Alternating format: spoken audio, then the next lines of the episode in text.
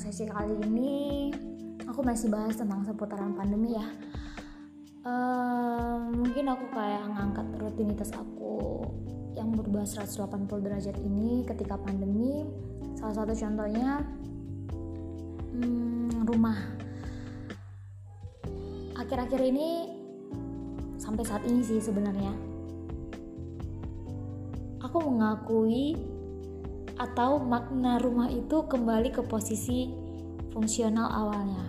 Yang sebelumnya aku menganggap ya rumah itu hanya tempat di mana kita udah habis beraktivitas dari luar ya udah tidur gitu bangun pergi ninggalin rumah pulang dan itu uh, perputarannya gitu ketika pandemi datang uh, aku tuh kayak makin menyadari oh berdiam diri di rumah sesekali ngeliat tembok, sesekali ngeliat jendela, keluar, ke dapur, ke toilet, ke belakang gitu-gitu kan.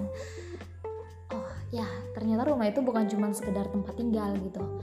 Tempat kita berlindung contohnya, tempat kita bisa menangis bahkan di saat-saat terpuruk kita tuh nyaman banget gitu kalau di rumah nangis kita nyaman banget berhayal di rumah nyaman banget ternyata gitu di rumah yang selama ini hal-hal yang kita lakuin itu kayak mau ngerjain apa gitu mau berayal mau nangis malah kita kayak aku sendiri gitu. Aku lebih memilih pergi ke kafe uh, berdiam diri nulis dan hal-hal lain gitu.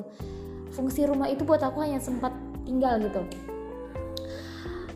Uh, pandemi ngajarin aku untuk uh, menyadari ini loh fungsi rumah gitu.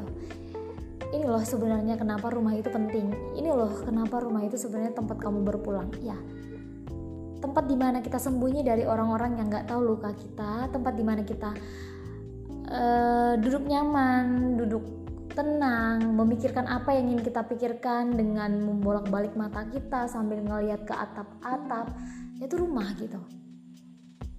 Selama ini kan kita asik sibuk dengan rutinitas kita.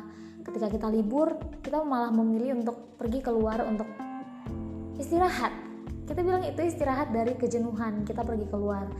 Tanpa kita sadari ternyata ini loh fungsi rumah itu gini gitu. Jika pandemi tak pernah hadir mungkin aku nggak akan pernah mengapresiasi rumah sedalam ini sehebat ini dan sewow ini. So um, mungkin itu ya dari pengalaman pribadi aku. Uh, bahwasanya rumah sudah kembali ke fungsional thank you. Mungkin podcast aku sore ini cukup sekian. Terima kasih.